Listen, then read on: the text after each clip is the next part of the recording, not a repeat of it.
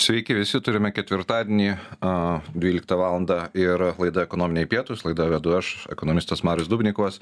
Ir šiandien su manim karšta tema diskutuos Andrius Navickas, švietimo darbuotojų profesinės sąjungos pirmininkas. Sveiki, Andriu. Sveiki. Ačiū, kad atvykote pas, pa, pas mane padiskutuoti. Kaip žinom, rytoj jūsų a, iššūkiai laukia su streiku.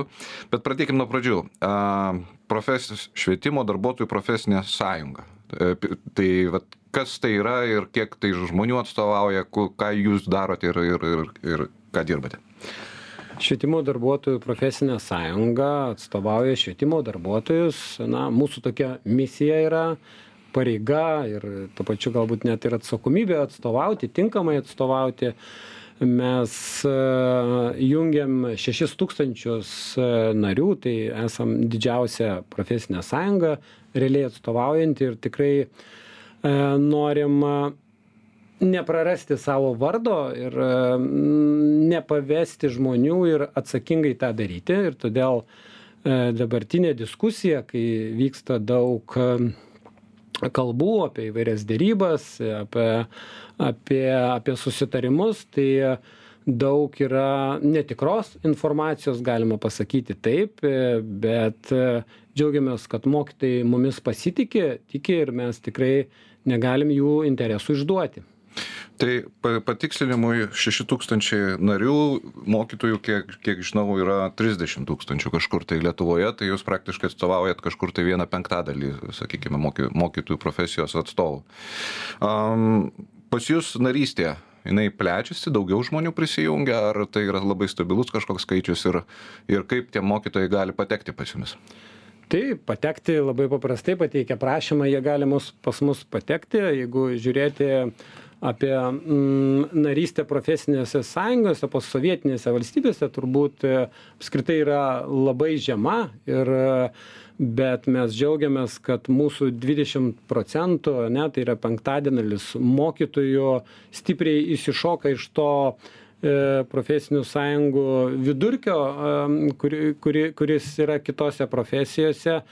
Ir jeigu žiūrėti mūsų narystės dinamiką tai jeigu mes e, iki du tūkstančiai aštuonioliktų metų vienijom apie du tūkstančius septynis šimtus narių tai mūsų augim augimas per tą laikotarpį daugiau nei dvigubai turbūt aiškiai parodo kad e, pasitikėjimas mūsų organizacija yra augantis ir turbūt žmonės pasitiki būtent todėl kad jie stebi viešoj erdvėj derybas stebi kaip mes atstovaujam mokytojus ir džiaugiamės kad jie renkasi mūsų organizaciją nors kartais mūsų organizacija yra labai nepatogi tuo kad na mokytojam reikia įveikti iššūkius. Mes nesakom ir nedemonstruojam netikrų žinių netikrų derybų. Tai yra kartais labai patogu kas ir šiuo atveju buvo mm, kalbama kad netgi turėjom tokį siūlymą iš ministro kad na jūs parodėt kad jūs atstovaujat mokytojus ir buvo siūloma padaryti tokį na derybose vadinami win win sandorį kad lyg ir abi pusės laimi bet kai mes išanalizavom siūlymą mes pasakėm kad na mes galim tai parodyti kad profesinė sąjunga laimi ministerija laimi bet mokytojai pralaimės šitoj situacijoj nes ministerijos tie pateikti siūlymai iš esmės jokios situacijos nepakeičia. Tai dėl to mes manom kad mokytojai ir pasitiki ir dėl to mes manom kad sąmoningi mokytojai kurie moka vertinti ir analizuoti ir džiaugiamės kad geriausių mokyklų mokytojai jungiasi pas mus. Pas mus narystė ir yra net ir privačių mokyklų tokių kaip tarptautinio licėjaus prancūzų ar ar vilniaus licėjaus ir kitų geriausių mokyklų. Lyginant netgi su kitomis profesinėmis sąjungos kai didžiųjų miestų mokyklų kitos profesinės sąjungos netgi nevienija. Tai tikrai džiaugiamės kad e, geriausi ir e, stipriausi mokytojai yra mūsų organizacijoje aišku dėl to mum atsakomybės tikrai nesumažėja jinai jinai e, išauga ir ir ir turim turim labai atsakingai atsakingai atstovauti juos. Dažnai žmonės turi tokių tam tikrų stereotipų dėl profesinių sąjungų, kad tai yra kažkokia tai senovė ar praeitis, ar, ar ten kažkaip tai. A, žmonės, kurie ateina pas jūsų organizaciją, jie yra vyresni, jaunesni, koks tai yra tas vat, mokytojo paveikslas, kuris dalyvauja profesinės sąjungos veikloje? Na, mokytojai, kurie ateina, tai aišku, mokytojai gali ateiti tik iš mokyklo, ne? Jeigu Taip. žinom, kad mokyklose e, dirba mokytojai, kurie vyriausi Europos Sąjungose kaip mokytojai, mm. tai tikrai, na, nėra, nėra mokytojai labai, na, jauni, galima sakyti, jeigu vidurkis, bet e, tikrai mūsų organizacija ir pasižiūrėtumėt, jeigu ir mūsų ir lyderių ir na mūsų skyrių pirmininkų amžių tai tikrai yra ženkliai mažesnis negu bendras negu bendras mokytojų amžius tai tikrai daug jungiam jaunų mokytojų ir, ir tai labai džiugina. O kita klausimo dalis buvo dar. Sakykime, kokie, kokie būtent žmonės ateina, tai čia tas ta, praktiškai tai ta... buvo atsakyta į klausimą. Mm. Prieš laidą tiesiog trumpai išnekėjomės ir pats, pats minėjote, kad kad e, jūsų organizacija išsiskiria dar ir tuo, kad jinai yra mokama, nariai turi mokėti. Kokią tai kainą, pavyzdžiui, kainuoja mokytojui dalyvauti jūsų organizacijai?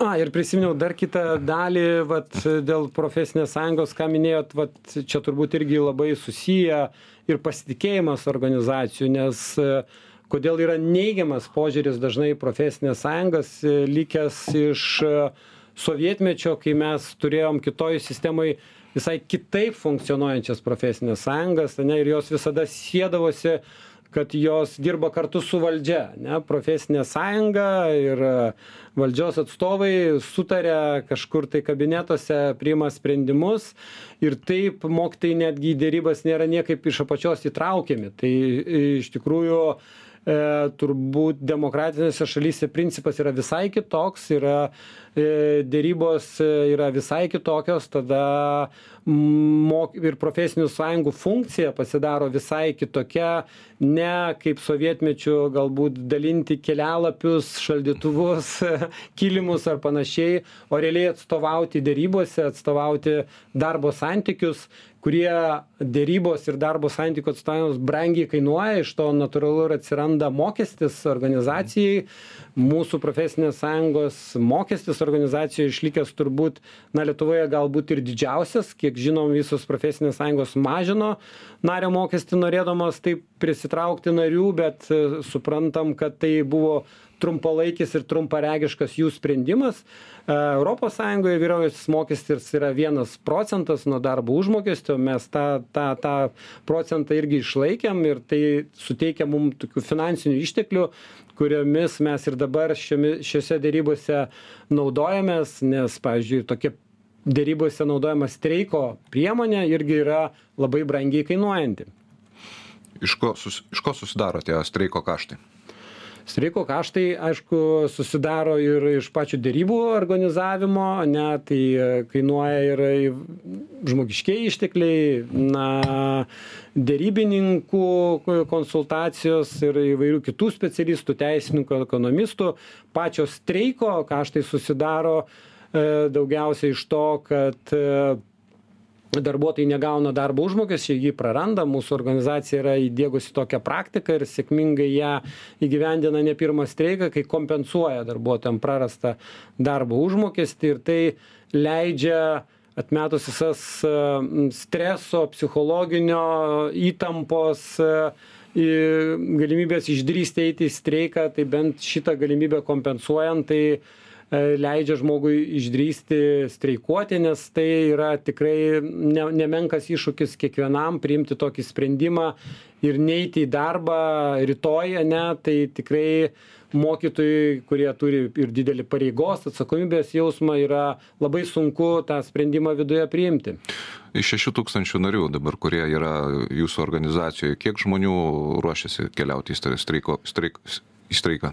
Na į streiką mes e, mūsų duomenimis kitiem jau rytoj ne prisijungs apie tris tūkstančius e, darbuotojų. Tai e, apie tai iš šimto aštuoniasdešim penkių švietimo įstaigų manom kad pradžiai tai yra labai geras rezultatas nes jeigu mes lygintume su du tūkstančiai aštuonioliktų streiku mes streiką tada pradėjom šešios švietimo įstaigos apie keli šimtai darbuotojų toliau į streiką įsitraukė apie keli šimtai švietimo įstaigų ir apie keli tūkstančiai darbuotojų tai mūsų ta streiko pabaiga yra labai panaši šito streiko pradžiai tai tą ką mes du tūkstančiai aštuonioliktais pabaigėm ir aišku tikėjomės kad mokytojus išgirdo ir streikuoti daugiau nereiks bet tenka apgailestauti kad na istorija tęsiasi ir tęsiasi galbūt nuo tos vietos kur jinai tą kartą baigėsi. Gerai šioje vietoje turime padaryti pertrauką. Laida ekonominiai pietūs laidą vedu aš marius dubnikovas ir šiandien su manim švietimo darbuotojų profesinės sąjungos pirmininkas andrius navickas. Po pertraukos pratęsim apie streiką ir ką jisai žada lietuvai.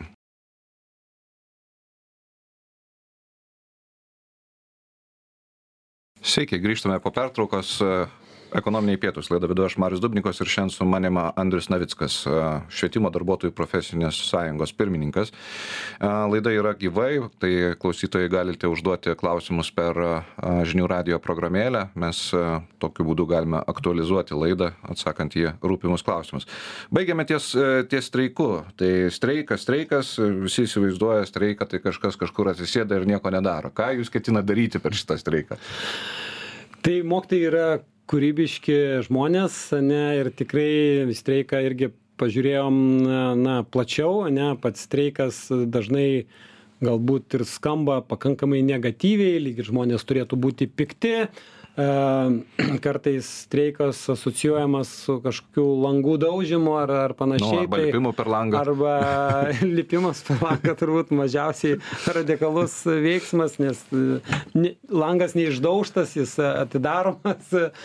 Tai visokių tų formų būna, bet na, mes streiką suprantam, na, ta darbo stabdymas ane tai taip mokytojai nedirbs neves pamokų bet mes galvojam kad reikia tą laiką išnaudoti irgi labai produktyviai e, organizuosim diskusijas e, dvyliktą valandą rinksimės rytoj vinco kudirkos aikštėje prie vyriausybės ir kviesim visus į atvirą pilietiškumo pamoką tai yra tai bus tam tikra mokyklos perkėlimas iš klasės prie vyriausybės ir kviesim prie lentos atsakinėti tiek vyriausybės atstovus tiek politikus. Tikrai kas norės per tą mėnesį laiko e, kai vyks streikas tikrai bus galima galima pasisakyti išgirsti teikti siūlymus ir tikimės kad rasim tam tikrus sprendimus.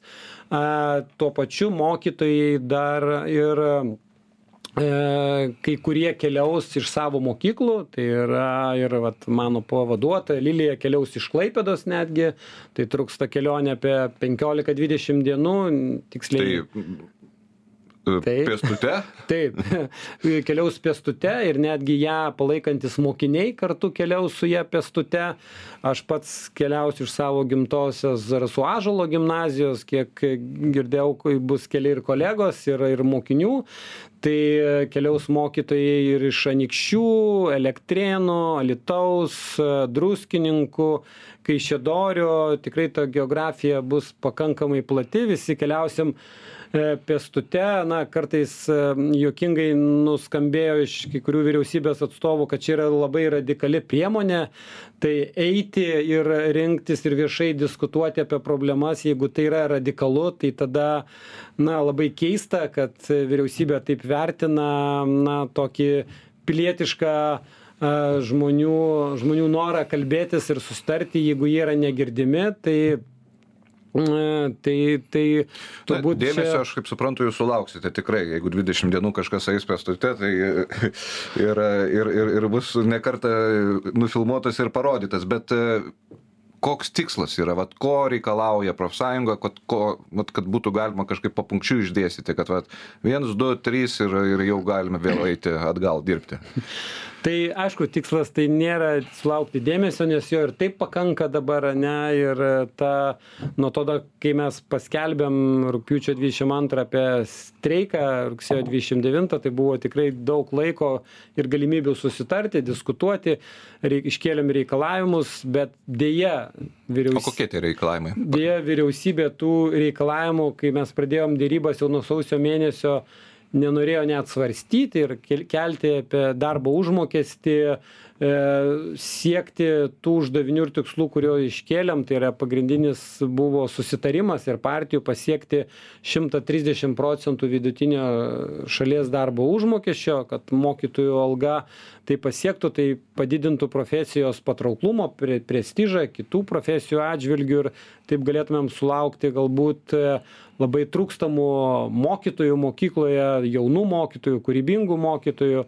Aišku tos darbo sąlygos yra labai svarbi svarbi detalė ir mokinių skaičius klasėje dabartiniu metu kai vaikų yra virš trisdešim netgi tai yra jau įprasta praktika tikrai nesudaro palankių nei ugdymosi sąlygų nei mokiniam nei darbo sąlygų mokytojam dar yra atsiradęs įtraukusis ugdymas kur specialių poreikių mokiniai nenubėgti toli dar čia tiktai pailiustruoti klausytojam kad e, na reikalavimas yra šimtas trisdešim procentų nuo vidutinio darbo užmokesčio tai antrą ketvirtį lietuvoje buvo peržengta du tūkstančių simboliškai peržengti du tūkstančiai eurų vidutinis darbo užmokestis prieš mokesčius.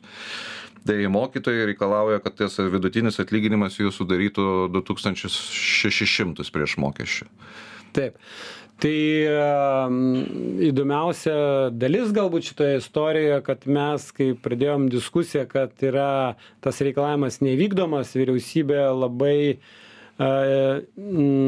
kaip čia pasakyti, intensyviai ir kantriai įrodinėjo, kad jie vykdo ir pasieks tą reikalavimą ir kai pradėjom skaičiuoti E, tuos duomenis kuriais jie naudojasi ar ar įvykdys ar ne pasirodo kad tie duomenys yra klaidingi nes mokytojų realūs atlyginimai nesiekia dabar netgi vidutinio darbo užmokesčio. Tai yra mokyklas finansuoti etatui pasiekia na finansai tokio dydžio kad mokytojas negali uždirbti jeigu žiūrėti vidutiniškai daugiau devyniasdešim devyniasdešim penkių procentų vidutinio šalies darbo užmokesčio ir čia turbūt e, buvo liūdniausia šitos istorijos dalis kad mes neturim netgi atspirties taškų nuo kurių galim susitarti koks tas dydis turėtų būti. Ir e, aklavietė turbūt ir pasiekė derybos šitoj vietoj dėl to kad akivaizdu kad tie duomenys buvo neteisingi tikrų duomenų mes neturim ir iš tikrųjų kokios yra santykis ir proporcijos tai yra daugiau išvedžiojimo ir na komunikacijos klausimai kurie neleido derybose ir susitarti. Tai tai klausimas iš tiesų sudėtingas o jeigu dar eitumėm į gylį dėl ko ir streikas vyko aštuonioliktais metais pati apmokėjimo sistema labai leidžia daug ir sudaro galimybių na piktnaudžiavimui neskaidrumui netgi korupcinių dalykų kai vieniem mokytojam mokami vat ir dabar girdim priedai e, kas yra netgi draudžiama įstatymo priimti mokytojus samdyti kitus mokytojus streiko metu. Tai yra draudžiama įstatymo bet dažnu atveju mokytojų galbūt pilietinė valia pozicija ar išsakyta nuomonė yra baudžiama darbo užmokesčiu skatinami prisitaikėliai pataikūnai tai iš tikrųjų formuoja labai labai tokią manau neigiamą neigiamus santykius pačioj valstybėj taip jeigu devyniasdešim procentų vidutinio darbo užmokesčio gauna mokytojas tai dabartinis į rankas vidutinis lietuvos darbo užmokestis yra tūkstantis du šimtai keturiasdešim eurų tai kažkur reiškias apie tūkstantį su trupučiu gauna mokytojas taip gal net ir ne visi gauna tūkstantį bet vidurkį galima sakyt nes yra kvalifikacinės kategorijos taip mokytojai ekspertai metodininkai gauna tą mhm. tūkstantį ane kiti kiti irgi supyko net mokytojai kad mes netgi per didelius atlyginimus parodėm nes yra jauni mokytojai e, labai pikti jauni mokytojai kurie atėję ir pasirinko tą profesiją ir po dviejų e, mėnesių po dviejų metų darbo jiem mažinamas darbo užmokestis netgi tai tai vėlgi skatina išeiti iš Gerai, mokyklos. šioje vietoje turime daryti pertrauką. Ekonominiai pietūs laidą vedu aš, Marius Dubnikovas, ir šiandien su manim apie mokytojo profesiją, apmokėjimą ir streiką kalbasi Andrius Navickas, švietimo darbuotojų profesinės sąjungos e, pirmininkas.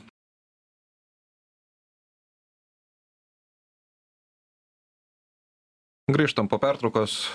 E, Laidą vedu aš, Marius Dubnikovas, kartu su manim šiandien apie mokytojo profesiją, e, jos iššūkius, e, streikus kalbasi Andrius Navickas, švietimo darbuotojų profesinės sąjungos pirmininkas. Prieš pertrauką kalbėjom, kiek gi visgi gauna mokytojas ir, ir su- gaunam tokius skaičius, kad apie 1000 eurų vidutiniškai į rankas, aišku, plius minus į vieną arba kitą pusę priklausomai nuo kvalifikacijos. Bet siekis, siekis yra, kad tas skaičius būtų gerokai aukštesnis ir, ir jeigu taikytume tą 130 procentų taisyklę, tai praktiškai turėtų atlyginimas viršyti į rankas e, pusantro tūkstančio eurų. E, Biudžetą. E, Atsidarai biudžetą ir matai, kad 3,5 milijardo eurų nukeliauja į švietimo sritį. Ir šis biudžeto eilutė buvo padidinta pusę milijardo eurų. Ir didžioji dalis šių pinigų keliauja būtent e, atlyginimams. Aišku, čia papuola ir mokytojai, net, ir mokytojai, ir universitetai, ir dėstytojai, profesoriai ir taip toliau. Bet tai klausimas tada kitas. Tai jeigu didėja pinigų kiekis, jūs vis tiek nepatenkinti, tai kur yra šuo pakastas, ta prasme, kodėl su tais biudžetais, kuriais yra, neįmanoma va, tos sistemos išlaikyti ir a, galbūt neoptimizuoti tie tinklai, gal, gal iš tiesų yra tų kritikų, kad, kad neefektyviai val- valdomos lėšos.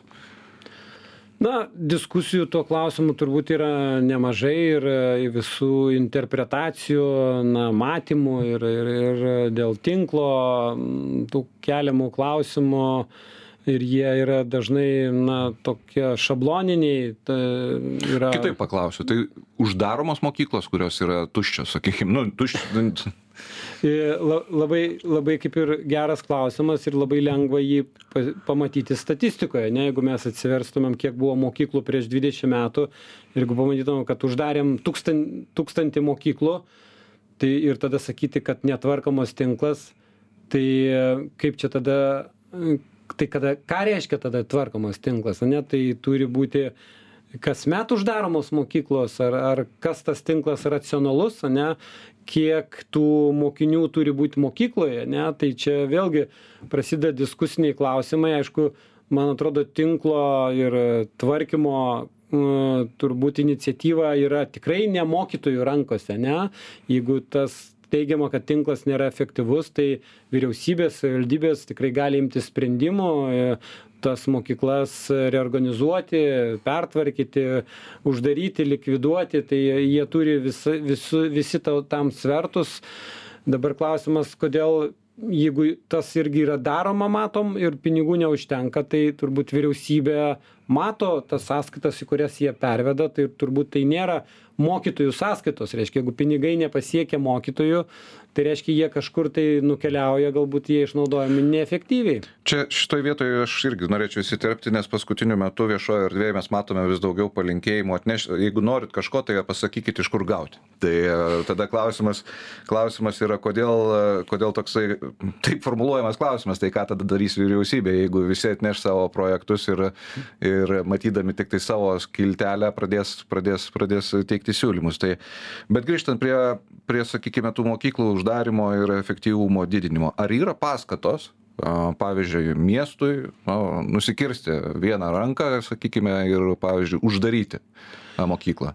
Mm, Kartais juokaujam ir mokytis sako, čia jeigu ir paukosim visas e, nekaltas mergelės ar nusikirsim visas rankas ir kojas ir drakonui gali neužtekti, nes jeigu tu susitvarkai tinklą ir, ir savivaldybės pasako, vat, ir čia klaipėdos mokti labai pikti, kai susitvarkė tinklą ir tie pinigai netgi sumažinami ir mokytojai nėra sistemos jokios, kad tie pinigai atitektų ki- mokytojam ir uždarius mokyklą atlyginimai nuo to nepasikeičia ir e, jie niekiek ne, nepadidėja. Ir tas tie tie srautai ar ištekliai kuriuos su su su sutaupo savivaldybė na jie naudoja savo reikmėm ir nėra jokios motyvacinės sistemos tą tinklą vėlgi labiau tvarkytis jeigu tu tą ir norėtum tai tai yra viena.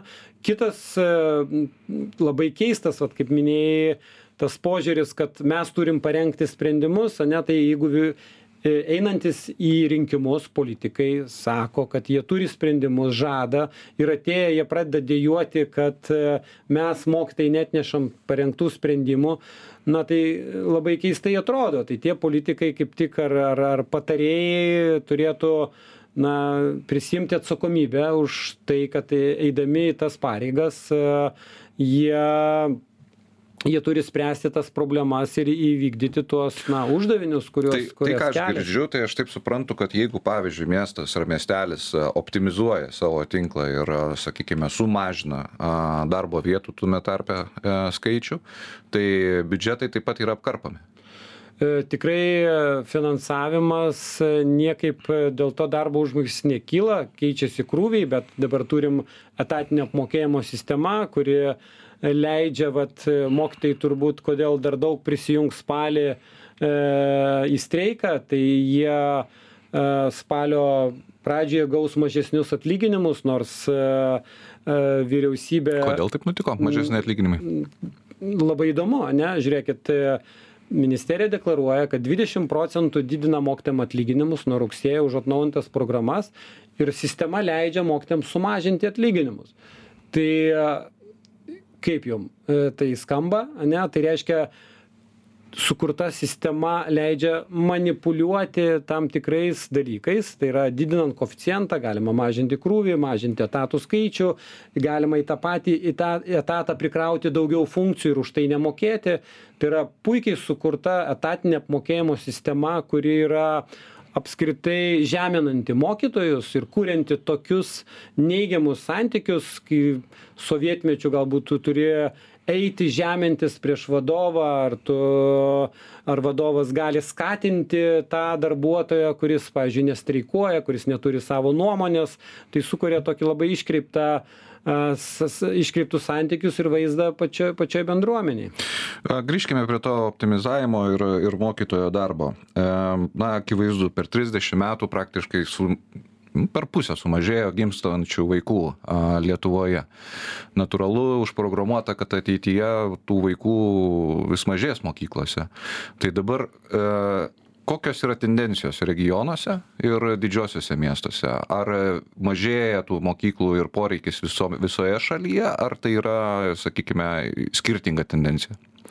Na didieji miestai turbūt išsiskiria tuo nes e, vyksta vidinė e, žmonių į vilnių imigracija važiuoja gyventi tai turbūt to mažėjimo labai nesijaučia bet mes girdim netgi kad ir vilniuje yra tų laisvų mokyklų laisvų laisvų vietų ir e, labai keista kai mes niekaip e, kelis dešimtmečius negalim priimti sprendimo dėl vaikų skaičiaus mažinimo klasėj kai komplektų skaičius galbūt sumažėjęs vat kaip minėjai yra per pusę dėl to dėl tų demografinių dalykų. Tai tada tada klausimas ane kodėl vis mažėjant vaikų mes negalim pasirūpinti netgi šitais vaikais ir sudaryti jiem jiem gerų ugdymosi sąlygų Mhm.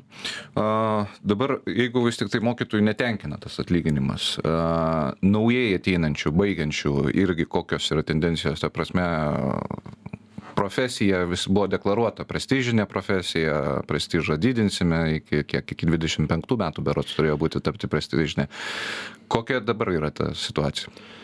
Tai dabar situacija kad dvidešim penkti metai yra jau labai netrukus ir situaciją turim blogesnę negu tada kada mes paskelbėm apie tai kad to sieksim. Tai iš tikrųjų visus turbūt tai labai demoralizuoja kad mes iškeltų savo tikslų ir uždavinių nesugebam išgyvendi įgyvendinti ane? Tai e, e, labai turbūt tas yra veiksnys kad ir streiko akivaizdu kodėl žmonės ryžtasi dabar streikuoti nes supranta kad na jie negali stebėti situacijos. Mes mokytojai kai švietimo sistema griūva ir nesiimti atsakomybės galbūt ir lyderystės išjudinti vėl ir tą klausimą vėl padėti ant stalo vėl įtraukti visuomenę vėl grįžti prie prie tų pačių diskusijų prie tų pačių na ieškojimų ir galimybės susitarti visiems visgi ar švietimas yra prioritetas ar nėra ar mes norim kad į mokyklas ateitų jaunų motyvuotų na geriausiai besimokančių mokinių ar mes paliekam tai savieigai ir tada O buvo kartais kažkokie kriterijai numatyti, tada, kas turėtų įvykti iki tų 25 metų? Ir kur paslysta yra pagrindė? Tai tų kriterijų turbūt vėlgi kaip susitarimas ir partijų ane kai jie susitarė pasieks šimto trisdešimt šalies vidutinio darbo užmokesčio ne nesusitarė konkrečiai kaip skaičiuos vieni įsivaizdavo kad naudos vienus duomenis kiti įsivaizdavo kad realius duomenis ir mūsų problema turbūt kad tvaraus sprendimo iki šiol ir nėra. Tai reiškia mes turim vėl mokytis iš klaidų grįžti iš tų neteisingų sprendimų prie diskusijos ir tartis iš naujo ir tartis taip kad visiem būtų aišku kad būtų įtraukta ir bendruomenė.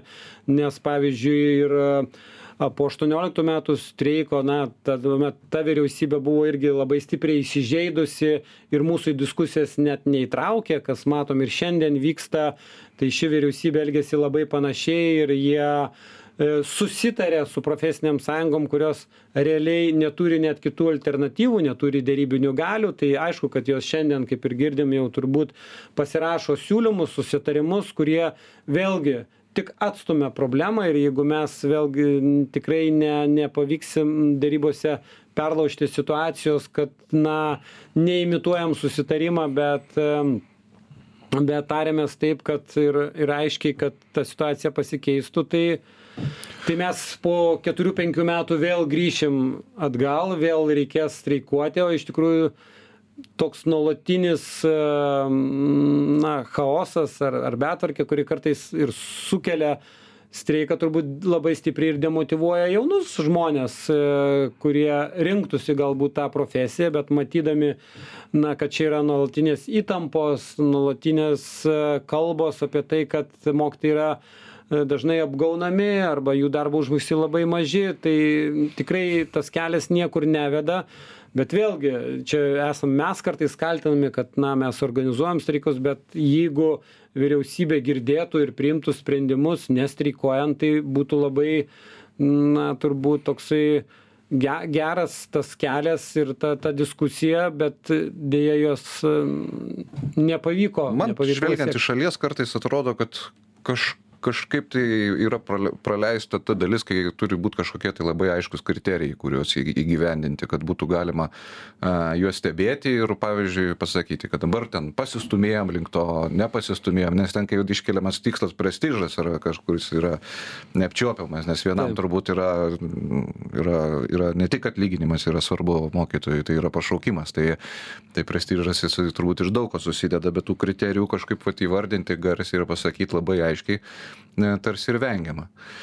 Ne, labai vengiama ir netgi priešingai ir dėrybose, mm, kai mes sakom, o kas e, vat, e, analizuotų situaciją ar atliktų kažkokius tyrimus, ar ma- pat- pateiktų. Ministerija sako, jokių būdų nieko negalim įtraukti iš šalies, mes čia viską padarysim. Ir tai, na, iš karto mums duoda tokį kitai pusiai atsakymą, kad, na, taip kaip reiks mes suskaičiuosim, taip kaip reiks pateiksim, bet realiai situacijos nekeisim. Tai reiškia, jeigu mes nei, neįtrauksim į tą procesą na, nepriklausomų kažkokių tai ekspertų, tai situacija ir nesikeis. Partnerystė su universitetais, ar jinai vyksta kokia nors, pavyzdžiui, nes, nu, vis tiek, kas iš šalies tas gali ateiti, tai, nu, galime ekonomistą, ne, pasodinti, kuris ten paskaičiuos, pa- padėlios ir taip toliau. Turime daug mokslininkų, daug universitetų ir dar daugiau mokslininkų, tai ar ne, nėra tos pa- partnerystės, kad jie galėtų padėti paskaičiuoti, nes čia, nu, kažkaip suprantu, tai yra kažkoks tai paprastas modelis, turbūt. Netgi vengiama, jeigu mes, mes dažnai savo lėšomis e, samdom e- ekonomistus ar mokslininkus, kurie na, mums padeda dėrybose, bet mes nesuprantam, kodėl ministerija to negali daryti, nes tai yra mokesčių mokėtojų pinigai, o mes iš mokytojų na, įnašų tai atliekame tuos, tuos procesus, kai dėrybose mes niekada ministerija nepateikdavo jokios realios e, situacijos ir, ir jokių analizių ir vertinimų tai tai rodo kad na juos ta situacija galbūt ir ir politikus tenkina ir jie nieko nenori keisti dėl to dėl to ir neįtraukiam tų tų kaip sakai mokslininkų ir ir kitų ekspertų. O jeigu bandyti kopijuoti nuo užsienio kažkokios tai yra praktikos vat kur vat jeigu tektų įvardinti nu kur jau ta idealioji tvarka mokytojų kitose šalyse? E, su tuo kopijavimu irgi turbūt daug vieni vienus teikia kaip gerus pavyzdžius, vieni vienaip įsivaizduoja švietimą, kiti kitaip. E, aišku, girdim tos Suomijos, Estijos galbūt artimiausius pavyzdžius, kurie kurie galimi ir girdim ten apie tai, kad na, mokytojas yra vertinamas, e, o kaip, kaip tą padaryti, ar yra noras tą daryti, tai vėlgi čia klausimas turbūt labiau kitai pusiai. Na taip turbūt e, čia situacija labai panaši į tą kaip e, įmonės darbuotojai eitų pas direktorių aiškinti kaip reikia padaryti ane? Tai e, gerai grįžkime prie dar kitų dalykų. Tai yra grįžkime gal pajudėkime į priekį. Mokslo kokybė. Mm, kaip jūs ją matote? Jinai nu tinklas optimizuojasi vis tiek kažkiek tai kažkur keičiasi. Vaikai kurie išeina iš mūsų mokyklų jų kvalifikacija auga krenta mm, patenkinti, nepatenkinti tuo, ką turime? E, turim turbūt ir nemažai tyrimų ir kokybių, kurie parodo, kad dažnai ne, ir nuskamam, kad nemokam matematikos, nemokam to ir ta kokybė turbūt reikia pasakyti, kad yra krintanti ir tą reikia pripažinti. Dabar kiek kas kaltas dažnai mes norim mokytoją apkaltinti ane kad e, neužtikrinama kokybė ar ar panašiai bet tos aplinkybės kai mes girdim kad tokie mokytojai kurie yra dažnai tikrai žvaigždės arba žiburiai mokyklose išeina iš mokyklos ir mes jų niekaip nesistengiam netgi sulaikyti. Tai reiškia kad na mum ir nesvarbu kokybė ane jeigu mes krepšinio rinktinėj prarandam vieną ar kitą lyderį tai suprantam kad tai labai dažnai būna lemiantis veiksnys ane visai komandai ar visai mokyklai. Tai ta tas kokybės klausimas ir jo tikrai mes nepasieksim tol kol kodėl mes ir sakom kad reikia darbo užmokestį mokėti didesnį negu šalies darbo užmokestis vidutinis tam kad mes norim turbūt visi kad e, į mokyklas ateitų geriausi mokiniai geriausi studentai pabaigę ane o neateitų o nekaltinti kad na žinot čia kaip premjerės pedagaškę pabaigę na tie kurie niekur neįstojo. Tai palaukit jeigu jūs formuojat taip politiką kad į mokytojų profesiją jūs nukreipiat kad stotų tie kurie niekur neįstoję jūs taip vertinat e, tą tą profesiją tai tada jau ir nebekaltinkim. Reiškia taip formuojat politiką kad mokytojais taptų prasčiausiai besimokantys e, mo mokiniai minėtas buvo kad yra žvaigždės kurios tempia mokyklas į priekį. Kur žmonės išeina iš mokytojo profesijos? Na toliau mes aišku tų tų žmonių nesekam likimų ar ar pasirinkimų bet dažnai mm, žmonės nuo pervargimo perdegimo nes tikrai tie tie mokytojai kaip vadinu žvaigždės jie dažniausiai nebeišlaiko to krūvio nes dirbti labai labai kokybiškai atiduoti visą save na vaikams e, labai kainuoja daug energijos žinant tai kad kokį tu krūvį gauni jeigu tu turi trisdešim vaikų trisdešim jų sąsiuvinių kasdieną arba tu nori pasiruošti pamokai taip kad tu rastum laiko prie kiekvieno vaiko prieiti kiekvieną vaiką tu galėtum stebėti vertinti ir vertinti jo pažangą tai E, tie tie tie mokytojai tikrai na dažnai perdega ir palūžta ir jie išeina turbūt e, įvairias kitas sritis kur su žymiai mažiau pastangų tu gali uždi uždirbti geresnį darbo užmokestį. E, kokių sričių mokytojų trūksta daugiausiai lietuvoj na pagrinde turbūt vyrauja trūkumas fizikos chemijos matematikos e, mokytojų bet labai dažnai dabar pasigirsta kad jau ir nėra ir muzikos ir ir dailės ir ir ir kitų dalykų mokytojų. Tai tas trūkumas tikrai dabartiniu metu gelbstimas virškrūviais tai mokytojai dažnai dirba po pusantro etato ir vėlgi ta situacija turbūt gali lemti ir dar didesnį mokytojų pasitraukimą nes dirbti pusantro etato tu gali turbūt metus kitus bet irgi tos jėgos turbūt senka Laikas išseko, laida ekonominiai pietus, laidą vedžiau aš, ekonomistas Marius Dubnikovas ir su manim šiandien kartu buvo Andrius Navickas, švietimo darbuotojų profesinės sąjungos pirmininkas, kuris jau penk, šį penktadienį ketina žingsniuoti link vyriausybės ir, ir kelti streiką, kad mokytojai gautų ne tūkstantį atlyginimą, o pusantro. Tai ačiū Andriu, kad apsilankai. Ačiū Jums.